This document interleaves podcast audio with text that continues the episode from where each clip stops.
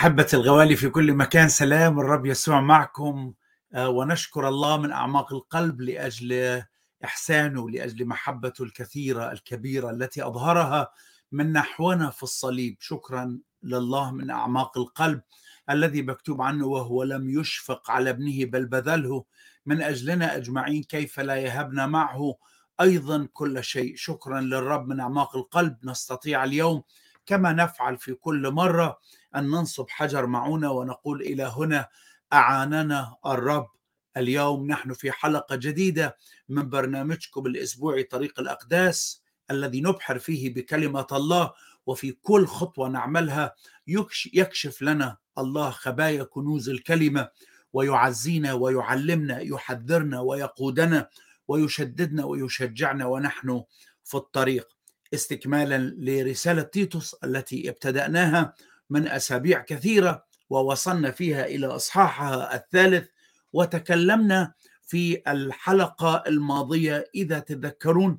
قرأنا من خلينا نقول من العدد أربعة ولكن حين ظهر لطف الله مخلصنا ولكن حين ظهر لطف مخلصنا الله وإحسانه لا بأعمال في بر عملناها نحن بل بمقتضى رحمته خلصنا بغسل الميلاد الثاني وتجديد الروح القدس الذي سكبه بغنى علينا بيسوع المسيح مخلصنا حتى إذا تبررنا بنعمته نصير ورثة حسب رجاء الحياة الأبدية. تكلمنا أحبائي الغاليين في الأعداد في الحلقات الماضية من هذه الأعداد وقلنا فيها حبايب الغاليين عن كيف عمل الله هذه المعجزة في حياتنا وهي ما تكلمنا عنها في سبع نقاط عن غسل الميلاد الثاني لكنه يقول أيضا وتجديد الروح القدس.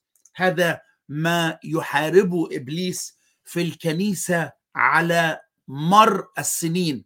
ما الذي يحارب؟ يحارب حقيقتين حبايبي الغاليين. يحارب غير المؤمنين ويحارب المؤمنين. طيب آه لماذا يحارب المؤمنين؟ هو يحارب المؤمنين لأنه مدرك ومتيقن إنه اصبحوا إنهم أصبحوا ملكية خاصة لله ولا يقدر أحد أو شيء يخطفهم من يد مخلصهم. كانوا لك وقد أعطيتهم لي. مكتوب الرب يسوع قال في صلاته في يوحنا 17 الذين أعطيتني حفظتهم. إحنا محفوظين بيده. يحارب المؤمن لماذا؟ ليس لكي يسترجعوا ليس لكي يعود به إلى العالم لا حبايب الغاليين فالذي عمله الله فينا حبايب الغاليين لما يغير حالتنا لكنه غير تكويننا. أصبحنا خليقة جديدة. ما الذي يحارب في الإنسان؟ يحارب في الإنسان المؤمن الطبيعة القديمة يحاول دائما يخلي الإنسان يجعلها ظاهره عنده ويستند عليها. لماذا؟ لأنه إذا استطاع أن يظهر الطبيعة القديمة فيه فسيبطل فاعلية الطبيعة الجديدة. وطبعا هذا الإبطال ليس بسبب عيب في عمل الله حاشا اسمه لكن بسبب عيب فينا نحن لعدم انتباهنا واكتراثنا فيظهر فينا الطبيعة القديمة وينهي تأثيرنا وينهي تأثيرنا وفاعليتنا في العالم من ناحية المؤمن. يحارب غير المؤمن. لماذا؟ يحارب غير المؤمن لأنه لا يريد أن يسمع رسالة الخلاص ويخلص. فيبعد هذه الحقيقتين. واسمعني وانتبه يبعد هذه الحقيقتين وبالأخص في الاجتماعات. فنرى الآن كنائس كبيرة جدا تحتوي على آلاف الأشخاص لا تقدم فيها ولا مرة رسالة الخلاص ولا يقدم فيها عمل المسيح. يقدم المسيح ذو التأثير الاجتماعي. أنت جميل أنت رائع أنت حلو أنت مؤمن لكن أنت بحاجة إلى شوية تحسينات. هذا ما يقدمه البعض في كنائس في كنائس الوقت الزمن الحالي الذي فيه لذلك ترى حضور لهذه الكنائس بمئات الألاف يعني تصل إلى سبعين وثمانين ومئة ألف ومئة وخمسين ألف ومئتين ألف حتى إنهم يعملوا خدمات في أماكن كبيرة مثل ملاعب كرة القدم وما إلى غيرها. لماذا هذا الحضور الكبير؟ هل هذا معناها إنه هو عمل الله؟ الله جمعهم لكي يسمعوا رسالة الخلاص، لكن الإنسان لا يقدم رسالة الخلاص، الناس تحب أن تسمع إنه إحنا لسنا أموات لكننا بحاجة إلى تغيير. عندما تكلم الرب يسوع مع نيقوديموس في إنجيل يوحنا والإصحاح الثالث شبه نفسه بالحية النحاسية حبايب الغالين ماذا قال عن الحية النحاسية؟ قال كما رفع موسى الحيه في البرية. هكذا ينبغي أن يرفع ابن الإنسان. لماذا؟ ما الذي حصل بالحية النحاسية؟ حبايب الغالين لو انتبهنا ودققنا القراءة سنكتشف انه هناك شيء قالوا الله فيما يخص الحية النحاسية. قال أنه اصنع لنفسك حية من نحاس وسماها الحية المحرقة. فما الذي فعلوه؟ قال ترفعها على راية. ترفع الحية النحاسية على راية أي على عمود.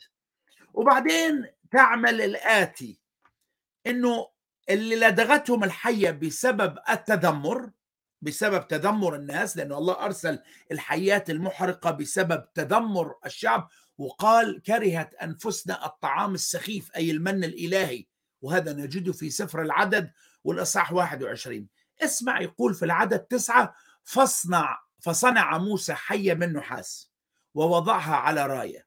فكان متى لدغت حية النحاس إنسانا ونظر إلى حية النحاس ليس يشفى لكن يحيا. يحيا. طيب هو مات؟ لا هو ما مات هو يدب الموت فيه. يدب الموت فيه. فيقول اللي نظر إلى حية النحاس هذه يحيا وليس يشفى. الناس تقدم الآن شفاءات لكن الله يقدم حياة. لم يقل أما أنا فقد أتيت ليكون لهم شفاء. قال أما أنا فقد أتيت لتكون لهم حياة في العدد تسعة يقول فقال الرب لموسى اصنع لك حية محرقة وضعها على راية. فكل من لدغ ونظر إليها يحيا مرة أخرى يكرر الكلام. ينال حياة. هذا ما يحاول إبليس على مر العصور أن يقدمه. لأنه حضر للكنيسة لأنه تكرر وانتظم حضوره لأنه رنم فتصورنا دون أن ندري بأنه حي.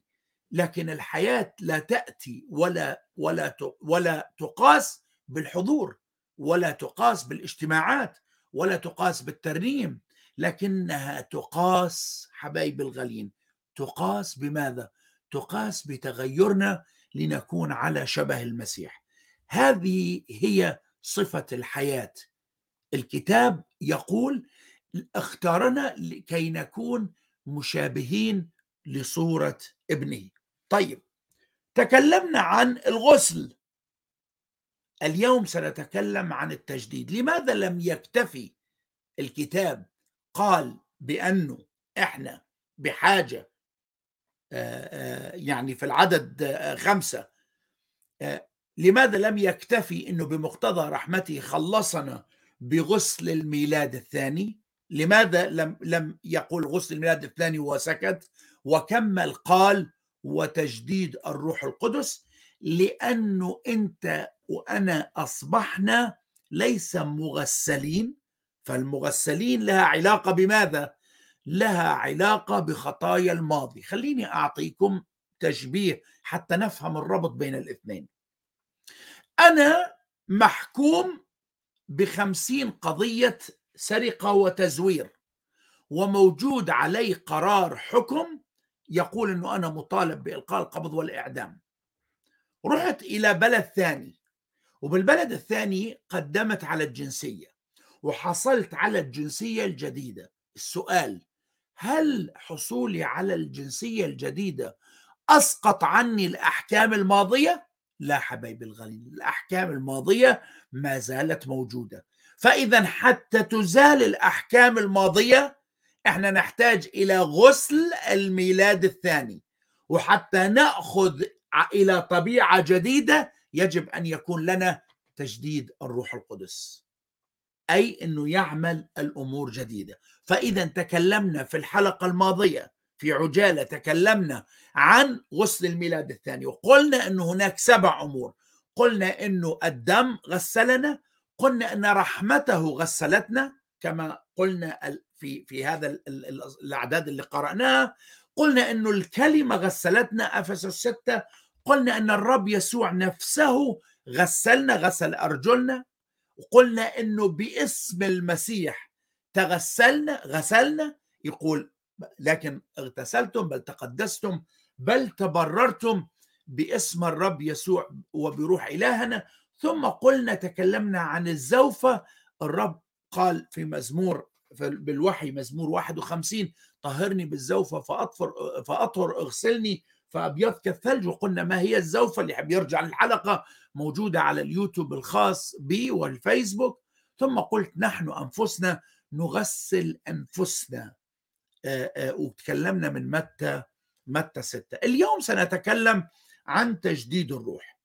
وتجديد الروح مهم جدا سنتكلم أيضا في سباعية عن هذا التجديد. شوفوا حبايبي الغالين الكتاب يخبرني عن شيء سنتكلم عنه لكن له علاقة باللي قلناه.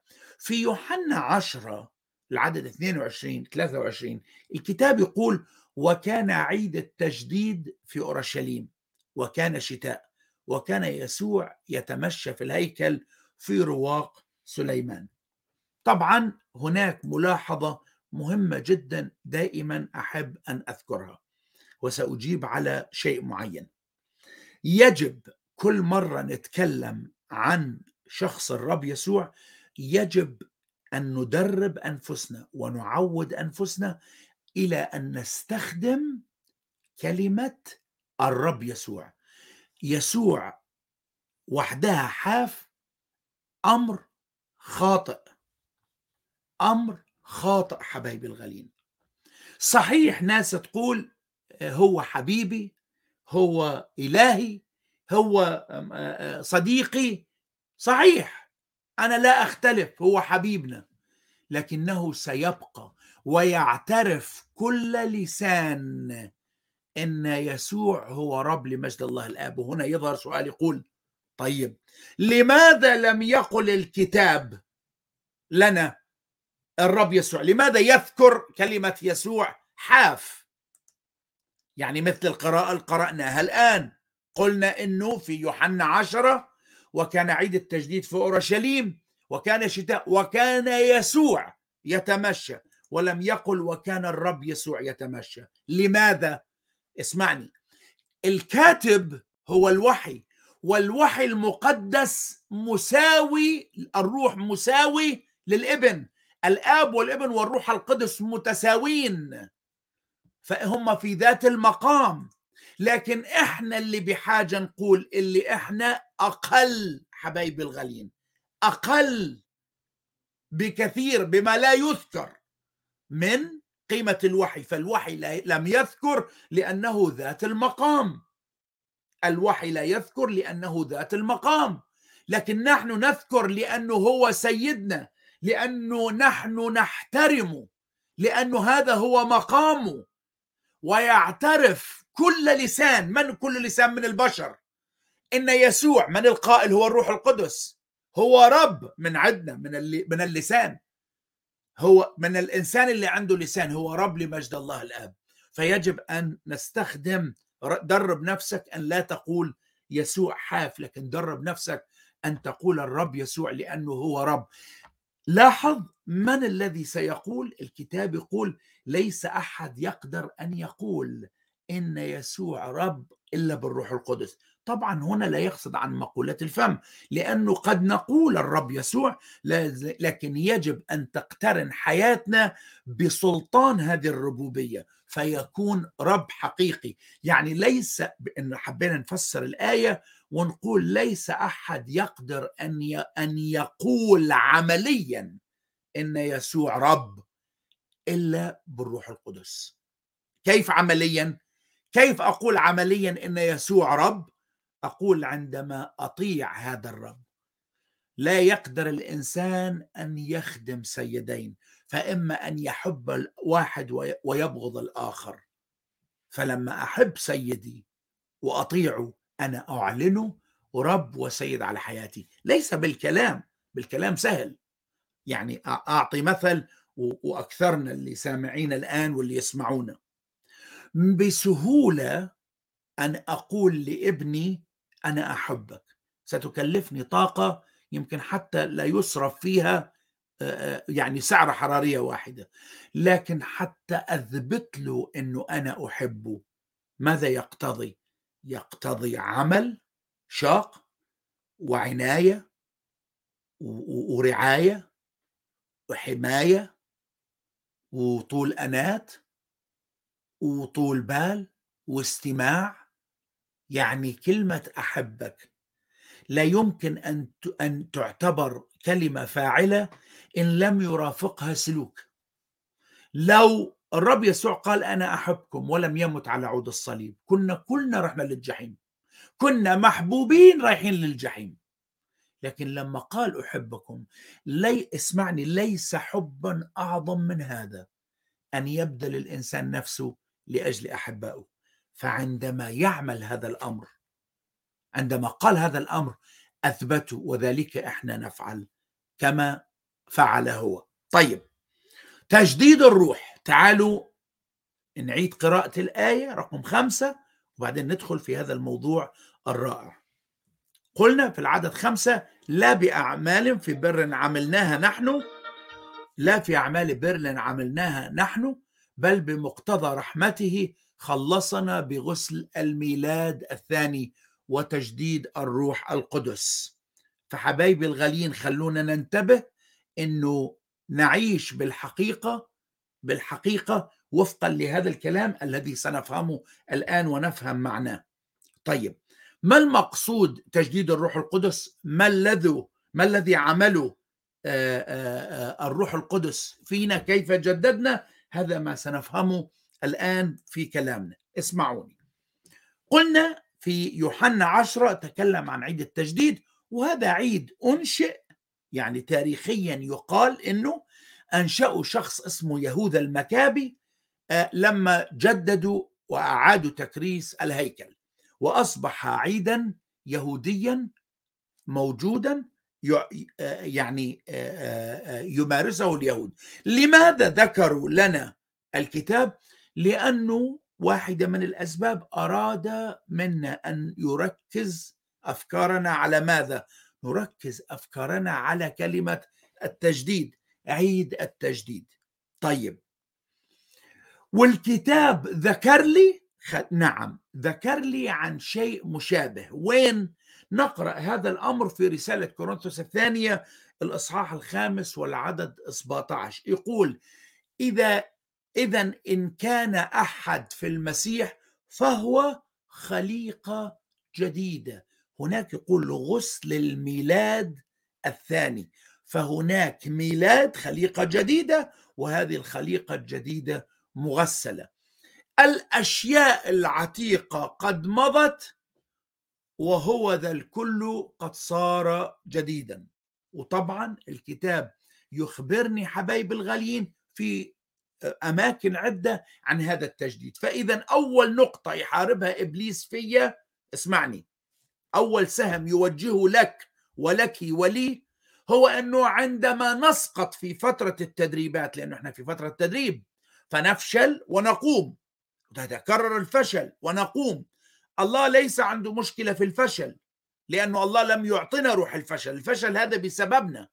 إحنا لم نتمم الترنيم التدريب بشكل صحيح فأصبح ترنيمنا غير صحيح وأصبحت تماريننا غير صحيحة. لكن انتبهنا لأن انتبهنا أحبائي الغالين سيكون التمرين صحيح ونعبر إبليس يحاول بسبب السقوط اللي يحصل عندي بسبب التعثر يقول لي أنت لست طبيعة جديدة ليس فيك طبيعة جديدة وإلا لما سقطت وإلا لما سقط واللي راح أقوله حبايبي الغاليين هو ليس تبرير للسقوط. إن الكتاب لا يريدنا أن نسقط بالعكس يريدنا أن نسير بشكل صحيح. لكن اسمعني. السقوط السقوط والتعثر شيء مؤلم. لكن لأنه إحنا في فترة التدريب ليس معناها إنه إحنا لا يج... المؤمن ليس معناه إنه هو لا يسقط. مرة أخرى هذا ليس تبرير ليس تبرير على الإطلاق للسقوط لكنه توضيح لأمر. انتبهوا لي.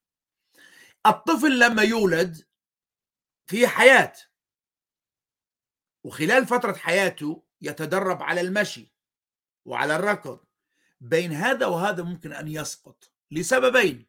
السبب الأول لأن أقدامه ليست قوية. لما تقوى أقدامه ويسقط يكون بسبب عدم انتباهه والسقوط هنا يرافقه ألم يرافقه أوجاع يرافقه تعثر. لكن ينتهي بالانتباه.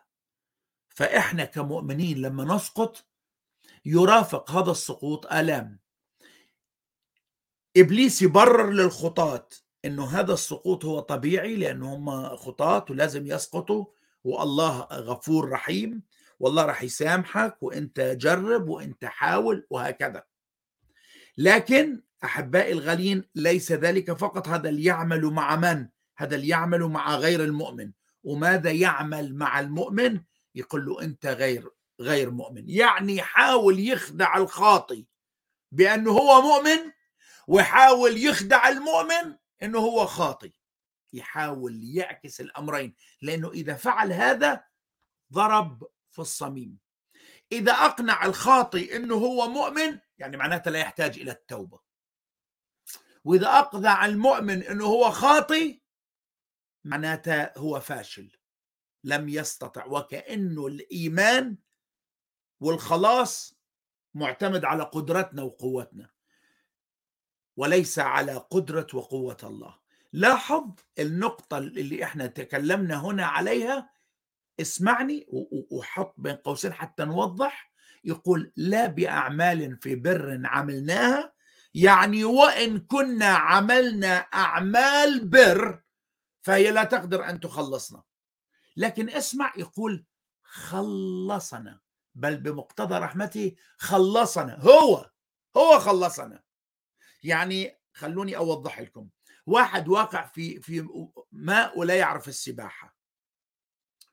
ونط شخص حتى يطلعه. فلما طلع لما طلع وخلص يقولوا له يعني كيف خلصت؟ يقول هو في شخص نط وخلصني بس لولا إنه أنا شاطر وقوي ومسكت فيه حبايبي الغاليين المنقذ المنقذ يعمل بالسباحة يعمل عملين يعملهم الله معنا.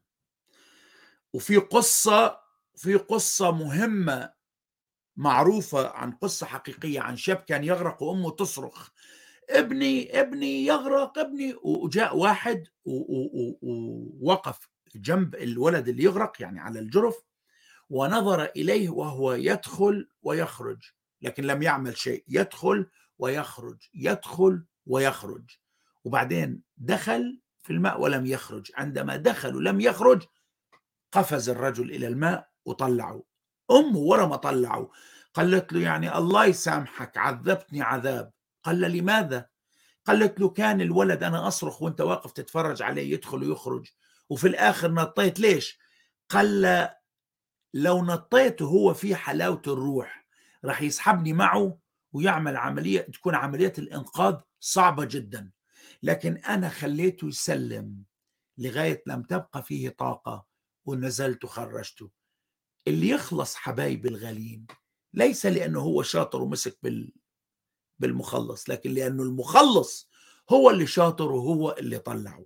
طيب إذا حبايبي الغاليين خلصنا خلصنا بغسل الميلاد الثاني.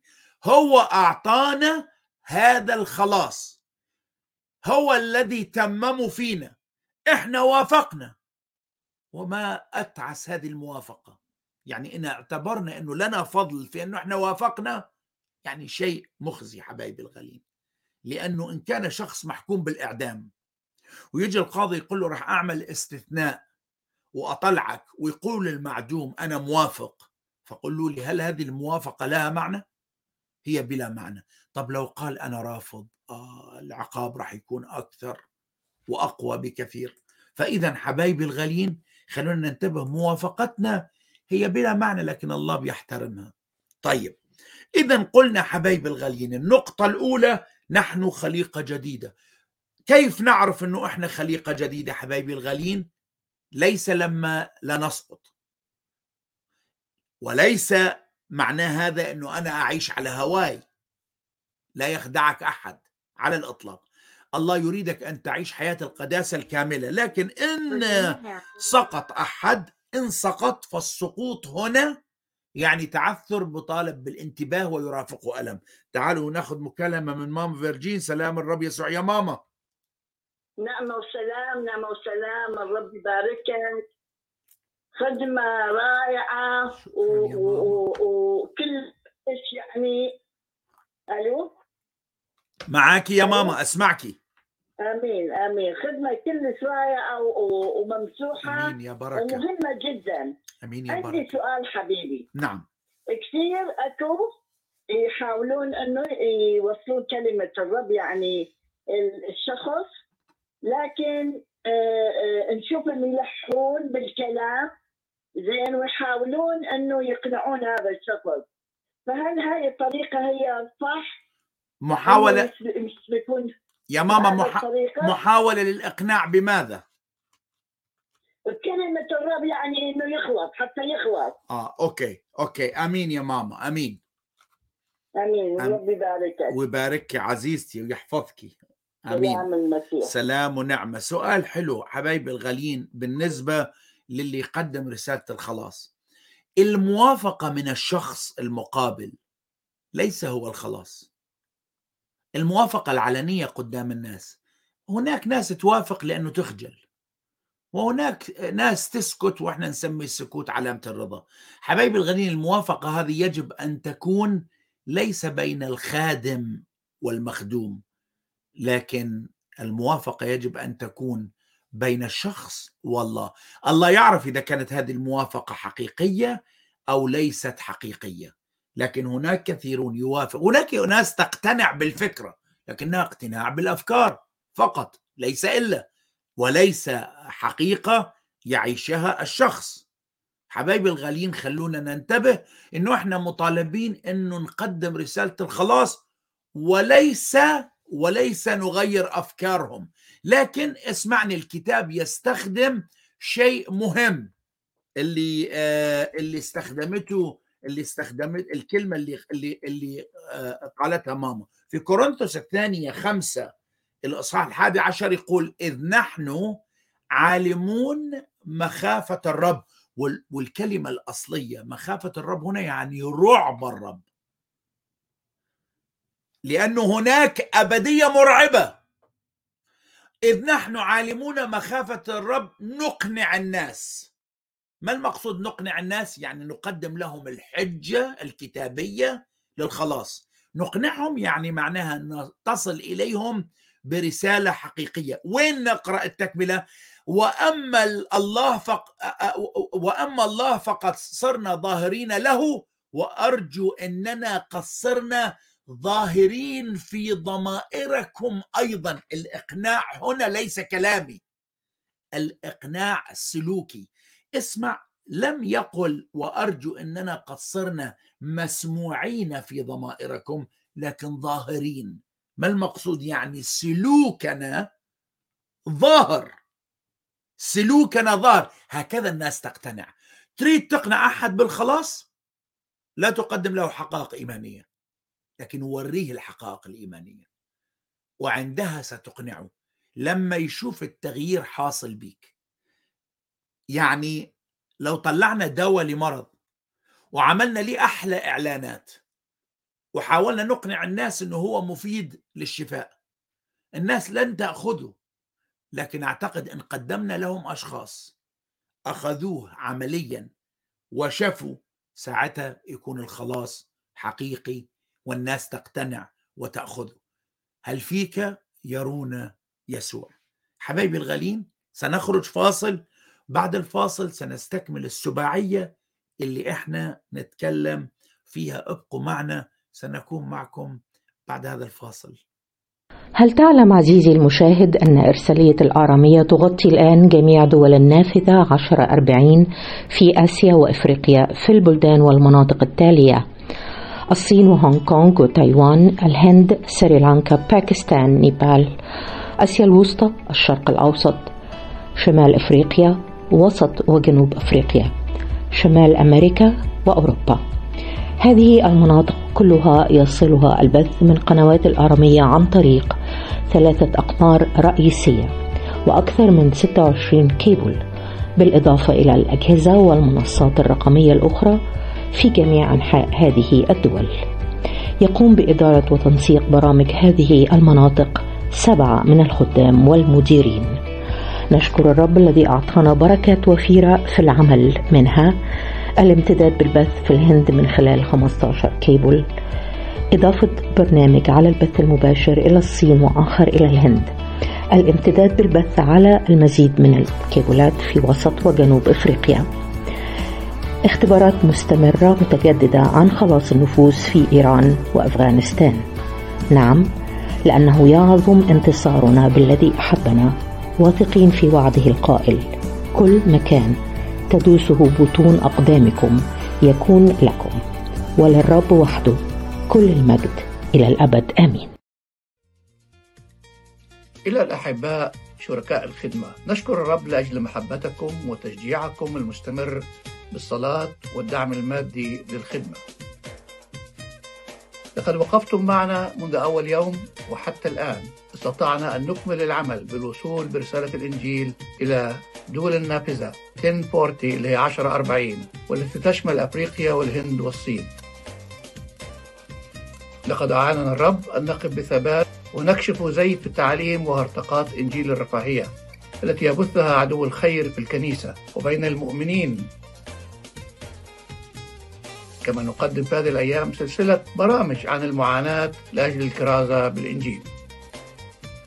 والآن نعمل في مشروع التلمذة لتسجيل برامج بثماني لغات هندية. كما أننا نحقق تقدما في العمل والأداء لتكون جميع قنوات شبكة البث الأرامي على ال iCloud لضمان الأداء بتقنيات أفضل. نشكركم لأجل استمرار دعمكم المادي ونذكركم أنه يمكن الدعم بإرسال شيك إلى الأرامية على العنوان البريدي الظاهر على الشاشة أو عن طريق موقعنا على الإنترنت الباي بال أو الاتصال بالرقم 248-416-1300 والرب يبارك جميعكم. حبايبي الغاليين عدنا معكم من جديد مستكملين دراستنا في رسالة تيتوس الإصحاح الثالث والجزء الرابع. قلنا أول نقطة نعرف أننا خليقة جديدة كيف ما هو التجديد؟ قلنا نعرف أننا صرنا خليقة جديدة كيف؟ يقول الأشياء العتيقة قد مضت. طب مرة أخرى ما المقصود مضت؟ يعني ليس معناها ليس معناها أنها لا تظهر فينا لكن تأثيرها مضى وكيف نعرف هذا الأمر؟ الكتاب يخبرني حبايبي الغاليين في رسالة كورنثوس الأولى للصح الخامس يقول إذا نقوا منكم الخميرة العتيقة لكي تكونوا عجينا جديدا كما أنتم فطير. لاحظ كما أنتم أنتم الآن فطير. لكن ماذا نعمل؟ إذا نقوا منكم الخميرة العتيقة يعني ليس ليس انتبه يقول إذا نقوا منكم الخميرة العتيقة لتكونوا عجينا جديدا. لكن لاحظ كما أنتم كما أنتم فطيرا. ما المقصود؟ يعني حتى حتى نتأكد إنه إحنا عجينة جديدة يجب أن نعيش في حالة تنقية مستمرة. يعني نتغير عن شكلنا نتبدل ننمو. لهذا قلنا إنه إحنا في فترة تدريب. اسمع إذا تدرب شخص ست سنين ولم يتغير شيء فهو لم يتمرن فهو من الأصل ليس رياضي. لكن إن كان رياضي فعلا فيتمرن ويتغير. اذا النقطة الأولى النقطة الأولى المهمة هو إنه الأشياء العتيقة قد مضت. طيب ليس فقط صرنا خليقة جديدة لكن صار لنا صار لنا عهدا جديدا. إحنا الله عمل عهد جديد معنا. في كورنثوس الأولى اللي قرأنا منها قبل شوي الإصحاح الحادي عشر والعدد 25 ماذا يقول حبايبي الغالين؟ يقول لأني تسلمت من الرب ما سلمتكم أيضا. إن الرب يسوع في الليلة التي أسلم فيها أخذ خبزا. وشكر فكسر وقال خذوا كل هذا هو جسدي المكسور لأجلكم اصنعوا هذا لذكري. كذلك الكأس أيضا بعدما تعشوا قائلا هذه الكأس هي العهد الجديد بدمي اشربوا هذا كلما اصنعوا هذا كلما شربتم لذكري. صار لنا عهد جديد. هذا العهد مقطوع على أساس الدم. على أساس ذبيحة المسيح. الله أقام عهدا جديدا مع مع شعبه. أعطانا عهدا جديدا. طبعا إحنا عارفين إحنا اللي جينا من الأمم ليس لنا علاقة بالعهد القديم. إحنا لسنا يهود لكن كلنا وافسس تشرح هذه قل أنتم ونحن يقصد الأمم ويقصد اليهود. هنا يخبرني نقطة مهمة أنه هناك عهد جديد. هذا العهد الجديد قطعوا مع من؟ ليس مع اليهود فقط لكن قطعوا أيضا مع الأمم. أحبائي الغالين الكتاب يخبرني أن هذا العهد ساري المفعول مع الاثنين. صرنا إحنا الاثنين اليهود والأمم صرنا بنفس بنفس العهد. معنا مكالمة تعالوا ناخذ مكالمة سلام المسيح. نعم والسلام أخ فادي. سلام الرب يسوع أختي ندى. الله يخليك شلونك؟ الرب يبارك وبارك يا غالية. يبارك خدمتك يا بطل. آمين. أنت بركة خليك وصدقني مو مجاملة. المجد انت للرب. ابن ملآن حماس وحب. شكرا. للرب. يسوع ولشعبك. مبارك. إحنا اسم فخورين الرب. بك أخونا العزيز الرب. يباركك. شكرا لتشجيعك. المجد للرب إيه. كله يا بركة. آمين آمين. عندي كم سؤال إذا أمكن تجاوبني عليهم. الله يخليك. نعم أكيد. أنت تكلمت عن القناعة. القناعة في الكتاب المقدس. نعم. ماذا تعني كلمة أنت تكون مقنع في. الكتاب المقدس؟ حلو. زين أنا كيف أقنع شخص بدون إجبار؟ حلو. بدون ما أجبره كيف أقنعه؟ نعم. وكيف أقنع وأكون مؤثرة؟ مم. يعني عندي وجود هذا الكلام اللي دا أقوله. أمين. وكيف أنجح في هذه الرسالة؟ يا وك- ريت وكيف؟ آخر سؤال ندش كان عزيزتي أختي آخر سؤال شنو؟ أنجح؟ أنجح. أنجح أوكي. أنجح الرسالة؟ أمين. نعم. آمين يا يعني بركة أنا محتاج هذا الجواب محتاج إني. أمر بهذا الموضوع وأريد أعرف كيف أتصرف حاضر. وكيف أكون مؤثرة آمين وكيف أكون إنسانة أقنع المقابل آمين والموضوع هو يعني هم يخص الخلاص ويخص آمين. إنسان قبل ما يرحل عن هالدنيا آمين فأرجوك يعني أريد آخذ من عندك رسالة حلوة والرب يباركك ويبارك جميع اللي قاعدين من الاخوه والاخوات آمين. شكرا لك عزيزي. أشكرك عزيزتي أختي ندى لمحبتك ومشاركتك. أنت بركة كبيرة. الرب حافظ عليك الله ويحميك. عزيزي. الله. وبقيني في صلاتك. حاضر. حاضر عزيزتي ما ممكن ابدا. أعرف أعرف عزيزتي. وأنت في صلاتي وأطلب نعم. نعمة مضاعفة لكل ما تخدميه عزيزتي. صدقني صدقني يعني عن فرح. آمين. رغم موضوعي صار صعب. خلي يسمعون الخوات. لأن نعم. أنا زوجي اثنين رجليه راحوا. نعم. رغم اثنين رجليه راحوا بدي اخدمه بفرح. وبسلام. شكرا والرب مطيني خطية ومساعدة. الله أمين. يساعدني آمين. يساعدني صدقني ما دا أحس عندي واحد. معوق آه، نعم. بالبيت وندى شلون وشلون. صدقوني أمام الرب نعم. زين بدي أحكيها من كل قلبي. أنا فرحانة. مم. فرحانة. والرب مساعدني والرب ما تاركني آمين. ايدي بايد الرب وعيني على على الرب. فشايل الرب نص الحمل عني. نعم. خواتي. آمين. وفرحانة. يعني يعني أمام الرب. لأن آمين. زوجي خلي يروح يعني رجلين ما عنده بس نعم. يروح مخلص يا جسدا سلام. وروحا إلى رب يسوع. آمين يا بركة آمين. يبارككم. وبارك سوري يا على التأخير. عزيزتي. بالعكس عزيزتي أختي الرب يبارك حياتك. آمين آمين. النعمة معك. شكرا شكراً شكرا يا. بركة. شكرا. آمين. سلام المسيح. معك يا عزيزتي. طيب حلو سؤال حلو. خليني عمليا حتى لأنه الدرس العملي مهم. كيف ممكن أن أكون مقنع ومؤثر وناجح في خدمتي. شوفوا حبايبي الغاليين أنا ممكن أقول لك إنه أنت اقرأ الكتاب ممكن أقول صلي. طبعا هي هذه هي الأمور اللي تخلينا نكون مؤثرين ومقنعين. لكن اسمع عمليا. عمليا الله سكن فينا. الكتاب يقول أنتم هيكل الروح القدس. وجسدكم هيكل الله. والكتاب يخبرني إنه المسيح فينا. طيب اسمعني. حتى حتى أوضح لكم الفكرة عمليا بطريقة مثالية مبسطة. تخيل انه هناك قطعة زجاج يقف خلفها شخص.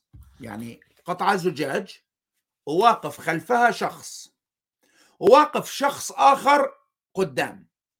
الزجاج هو في النصف بين هذا الشخص وهذا الشخص.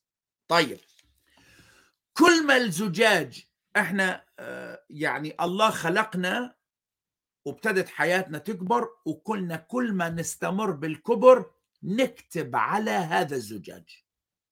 نكتب على هذا الزجاج أو نكتب على هذا الحائط الطيني. ماشي؟ فالشخص اللي واقف ورا الزجاج شايف صورة غير واضحة مضببة من كثر ما كتب على الزجاج. حتى أنا أستطيع أن أكون مؤثر حتى أنا أستطيع أن أكون مقنع وناجح علي أنه أمسح ما كتبته على الزجاج. اللي يعمل هذا المسح هو كلمة الله وطاعتي. كل ما أطيع وأتخلى عن حياتي عن إنساني العتيق كل ما راح أمسح من الزجاج كل ما الشخص اللي ورا الزجاج راح يظهر أوضح للشخص اللي خلف الزجاج. مرة يتبين عينه ومرة تبين أذانه ومرة يبين وجهه ومرة يبين أكتافه. وفي الآخر لما يصبح الزجاج نقي كليا يظهر اللي خلف الزجاج. بل بل اسمعني. عمركم شفتوا ساعات من كثر ما الزجاج نظيف؟ نتصور إنه مفتوح الباب وندخل ونرتطم بالزجاج دون أن ندري؟ لماذا؟ لأنه تصورنا وكأن الزجاج غير موجود فكأن الباب مفتوح. القصد اللي أقوله كل ما أستغنى وأتخلى عن فادي بكل مفاهيمه. سامحني. حتى المفاهيم ال ال ال حتى الحقوق والمفاهيم الشرعية اللي من حقي كرامتي شخصيتي مستقبلي حياتي أموالي كل ما يحتوي ياء الملكية. كل ما أتخلى كل ما الرب يسوع يظهر أكثر. يصير أكثر يظهر أكثر ويبين أكثر والناس تشوفه أكثر وكل ما تشوفه أكثر كل ما الناس تقتنع أكثر لأنه لأنه هو الوحيد اللي قادر أن يجذب بالضبط أختي بان مشاعري كل ما. كل ما. له ياء الملكية كل ما له ياء الملكية يوحنا قال يوحنا المعمدان ينبغي أن ذاك يزيد وأنا أنقص طب إذا كان يوحنا قال ذلك ماذا أقول أنا؟ أقول أنقص؟ هو أنا شيء حتى أنقص؟ أنا جابني من المزابل. كتاب يقول الرافع المسكين من المزبلة المجلس بين أشراف شعبه. وإحنا نقول ترنيمة تقول جبتني من المزابل وصنعت لي اسم جديد. حبايبي الغالين حتى أكون مؤثر حتى أكون نافع حتى أكون ناجح يجب أن أختفي من المشهد. يجب أن أختفي من المشهد كليا. يصبح الله هو الوحيد الظاهر. تتذكرون؟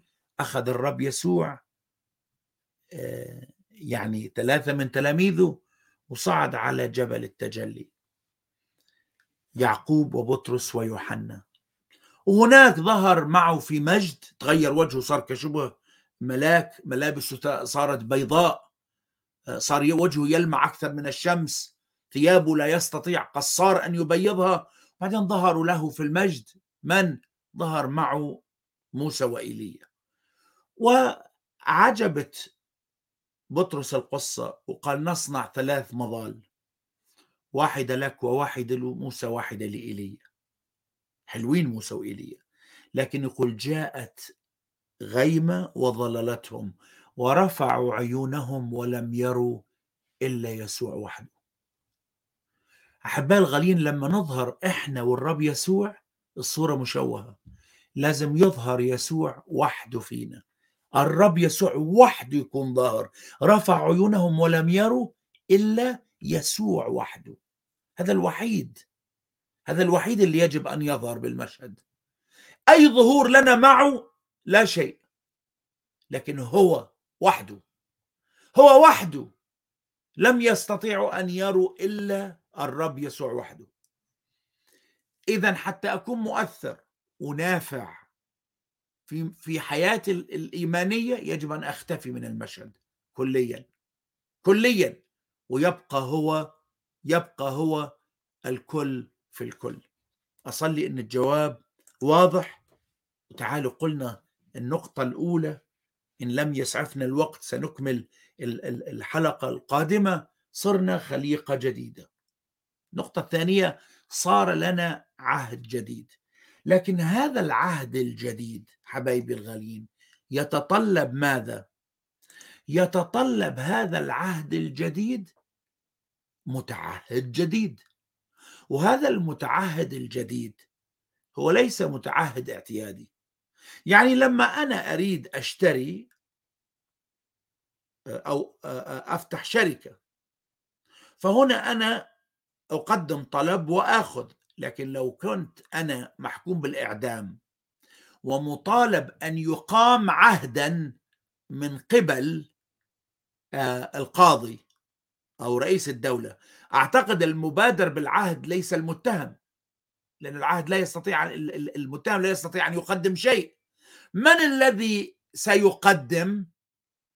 الذي سيقدم هو القاضي هو صاحب العهد. طيب تعالوا ناخذ مكالمة من أختنا المحبوبة غصون أختي غصون سلام الرب يسوع.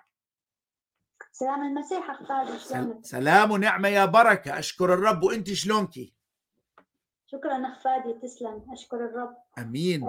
أخ فادي حقيقة حلقة حلوة كلش و يا بركة. يعني ما أعرف موضوع ال ال إنه يعني نتمسك بالرب إنه يعني ما أعرف شلون أقول لك اخ فادي يعني قضية إنه إبليس يشككنا بخلاصنا حقيقة يعني متعب هواية ناس كثيرين. مم. وعندي سؤال صغير اخ فادي بكل سرور. آه، بك... يعني معني تفضلي. نعم. آه، يعني مثلا آه، شخص يعني يعني يعني يتقرب أكثر للرب ويصلي ويحب الرب وما ينقطع عن الصلاة وهي بس يظل يحس إنه هو يعني يعني بعد يشتهي العالم وبعد يعني بعده يحس يتذمر يقارن نفسه بالآخرين يشوف نجاحات العالم. ونكباته هو يقوم يحزن و... ولكن يعني ما يريد ما يريد يروح للعالم بس يبقى هذا مثل صراع وهذا نعم. ويبقى التشكيك إبليس من ناحية يعني خلاص النفس. نعم. فأخفاد يعني رغم الصلاة ورغم العلاقة ورغم قراءة الكتاب شلون هذا الإنسان يتجاوز هذا؟ هل هو يعني مجرد خداع من إبليس؟ مم. أم هو صوت الروح القدس؟ أم شلون يتجاوز هذا الفكر يعني؟ أمين. أمين. سؤال حلو كثير أختي غصون. الرب يبارك حياتك. شكرا اخ فادي أشكرك من أجل الحلقة وأشكر أمين. المكالمات أيضا كل حلوة والأسئلة أمين. مباركة جدا. شكرا فادي سلام أمين. المسيح. الشكر للرب. يا بركة النعمة معك يا قديسه سلام المسيح. طيب سؤال حلو من أختي غصون. أنا يعني خلونا نجاوب هذا السؤال المهم لحياتنا. أنا أشتهي العالم. أنظر إلى الخطاة الذين في العالم. وأرى نجاحاتهم. وأرى فشلي. آه، وهذا يحبطني.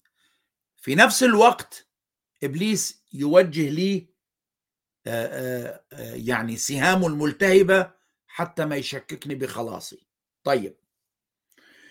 الصراع الصراع هذا بحد ذاته الصراع هذا بحد ذاته هو صراع مؤمن وليس الصراع خاطئ. من وين جبنا هذا الكلام؟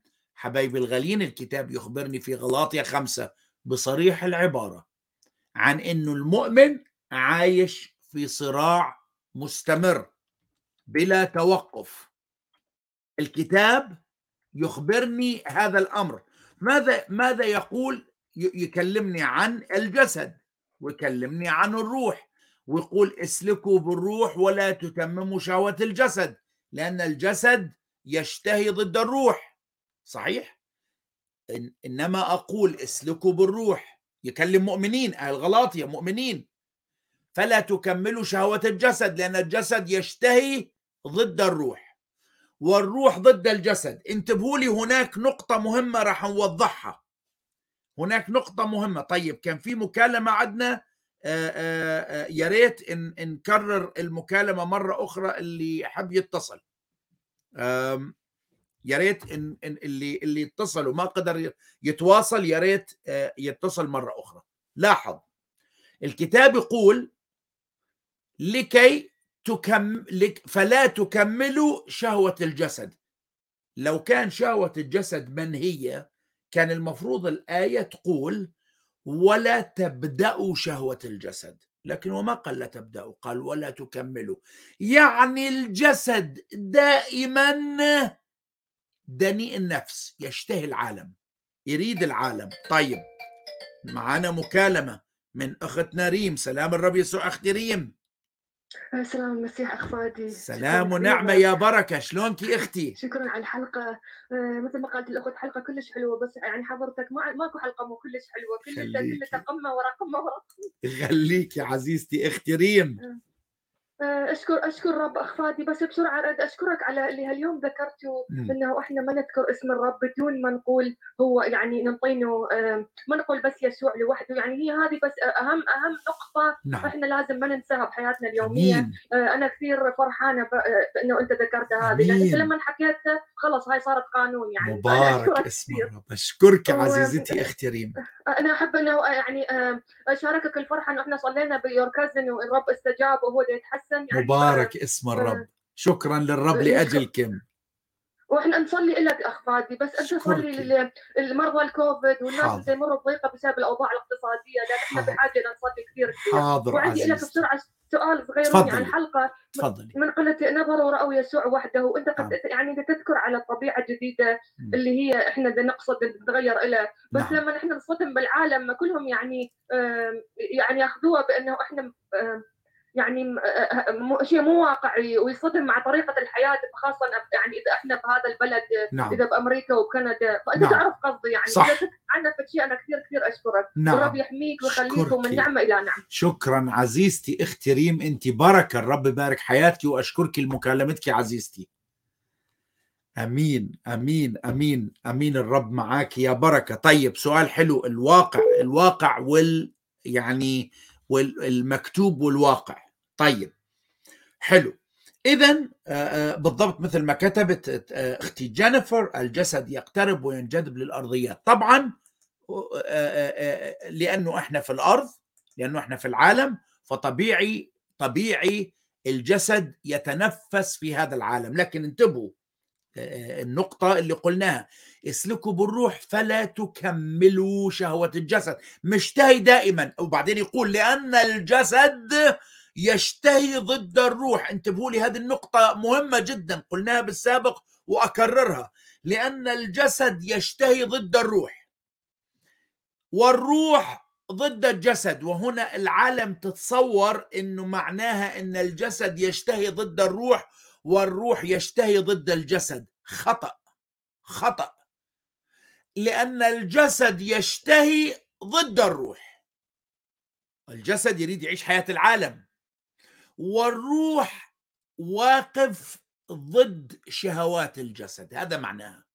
الروح واقف ضد ما يشتهيه الجسد لذلك لم تتكرر كلمة والروح يشتهي ضد الجسد لكن إحنا ذهننا أضاف يشتهي. لكن الكتاب يقول لأن الجسد يشتهي ضد الروح والروح ضد الجسد الروح واقف للجسد بالمرصاد. حتى ما ينهي هذه الشهوة وهذان يقاوم أحدهما الآخر. حتى تفعلون ما لا تريدون. الجسد يريد يظل يشتهي والروح يستمر يقف ضد الجسد. يقاوم أحدهما الآخر. حتى تفعلون ما لا تريدون. طيب ما, ما الذي نفعله ما لا نريد؟ آه. إن كنا سلكنا بالجسد فسنفعل ما لا يريد الروح. وإن عملنا ما يريد الروح فسنقف سنعمل ما لا يريد الجسد. يعني بحياة الإيمان أنا بحاجة أن ألتصق بالرب لأنه ما عندي حل غيره. يعني إن فشلت في أن تقرأ الكتاب ما الحل؟ اقرأ الكتاب. إن فشلت أن تصلي ما الحل؟ صلي. يعني هذا هو المنقذ الوحيد. عمرك شفت واحد قال أنا اليوم ما عندي رغبة أنه أتنفس؟ لا حبايبي الغاليين لا لا نستطيع. فهذه النقطة المهمة اللي إحنا بحاجة أن ننتبه إلها. لما أنا الجسد يهاجمني أهرب إلى الرب. أهرب إلى الرب. لما إبليس إبليس دائرة حربه هو مع القديم وليس مع الجديد. دائما يحاربني بالقديم. طبعا ماذا يقدم لي؟ قدم لي العالم وشهواته. اقرأ مزمور 73 اساف اللي رأيته يعني دسامة وحلاوة وجمال الأشرار. ما هو لما نظر إلى القديم لولا قليل لزلت قدماي. لكن حتى دخلت مقادس العلي وبعدين ابتديت أفهم مقادس العلي هي الحل اللي تشيل عيني من على العالم وتنحط على الرب. أما التشكيك فأنا أقول التشكيك في خلاصي فهو مؤشر صحي. لمن؟ للذي يزل. وليس لكم يعني واحد واقع بالخطية 24 ساعة يزني ويقتل ويعمل ويكذب وكذا وبعدين يقول أنا عندي شك إنه مخلص. لا حبيبي أنت مو عندك شك أنت يقين إنه أنت غير مخلص. لكن الشخص اللي يجتهد ويصارع ويحارب ويكره العالم ويزل هذا يشك. هذا اللي يشك. هذا اللي عنده شك.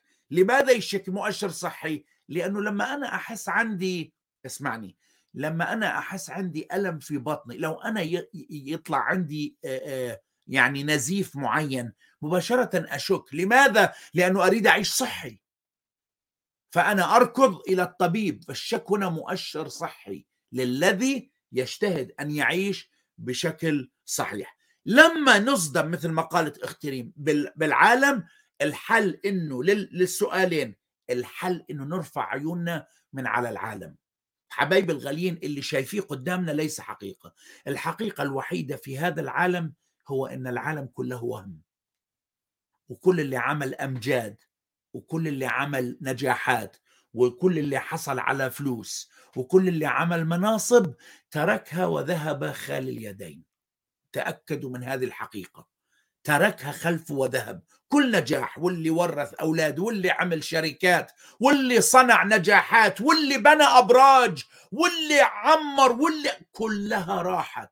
أوهام. كل الحياة أوهام. من غير يسوع. أوهام كتبت أختنا بكي هذه هي الحقيقة. فلما أدرك أنه هي أوهام فهو وق... هو شيء وقتي لأن التي نراها هي وقتية.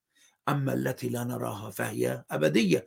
عيش حياتك بالشكل الصحيح. أنا عارف أنه إحنا يعني ابتدينا في مسألة التجديد وصلنا إلى نقطة ثلاثة تذكروا عن الوسيط الذي سنتكلم عنه في الحلقة القادمة. لكن أصلي من قلبي أنه إذا طلعنا إذا لم نخرج بدرس اليوم خلونا نخرج بدرس إن ما أعيش أنا اليوم هو وهم. وهو وهم يمضي ونقترب يوم أكثر من الأبدية. اسمعني حتى لو فرضنا إنه لو أنا ليس عندي قناعة حبايبي الغاليين يكفي إنها زائلة. يكفي إنها زائلة إنها ماضية. طبعا إبليس يحاول يوهمني إنه لا يوجد أبدية ولا يوجد إله وعلى هذا الأساس أنت هذه الفرصة الوحيدة فيها إنه تعيش وتتمتع. طب سألت نفسك أنت كيف وجيت للعالم؟ حتى تاخذ هذه الفرصة. هل صدفة؟ هل هي صدفة؟ حبايبي الغاليين خلونا ننظر إلى الأمور الزمنية على إنها وهم زائل وخلونا ننظر على الأمور الأبدية على إنه حقيقة واضحة ومشجعة لحياتنا إنه إحنا نعيش صح. أصلي من قلبي أن تكون قد وصلت الرسالة من الله لقلوبكم. بنعمة القدير إن شاء وعشنا وتأنى في مجيئه سنستكمل دراستنا في الأسبوع القادم. لذلك الوقت صلوا لأجلي وأنا أصلي لأجلكم أعدكم كل من طلب مني أن أصلي سأرفع هذا الأمر الأمر أمام عرش النعمة. شكرا لكل اللي اتصلوا ماما وأختي غصون وأختي ريم كل اللي أكرمنا أختي ندى سأرفعكم أمام عرش النعمة. صلوا أنتم أيضا لأجلي أستودعكم بيد القدير. سلام سلام لشعب الرب في كل مكان. سلام المسيح معكم. آمين.